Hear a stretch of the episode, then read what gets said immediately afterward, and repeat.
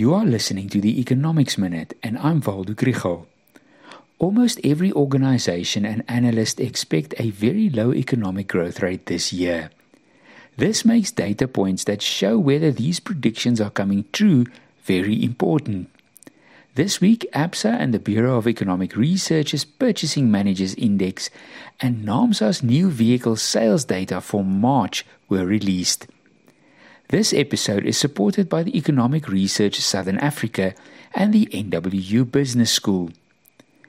Purchasing manager indices are important leading indicators because a company's purchasing manager has to think quite a bit ahead.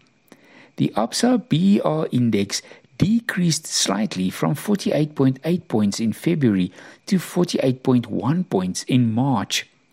The interesting information is in the sub indices.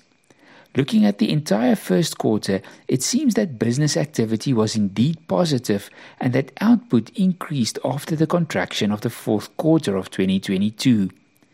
There is also an improvement in expected business conditions for the second half of the year.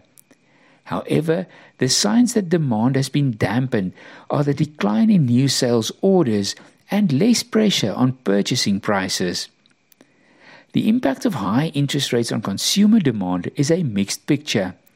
NAAMSA's figures on new vehicle sales show that they decreased in March compared to last year, but the number of units sold increased from February to March this year.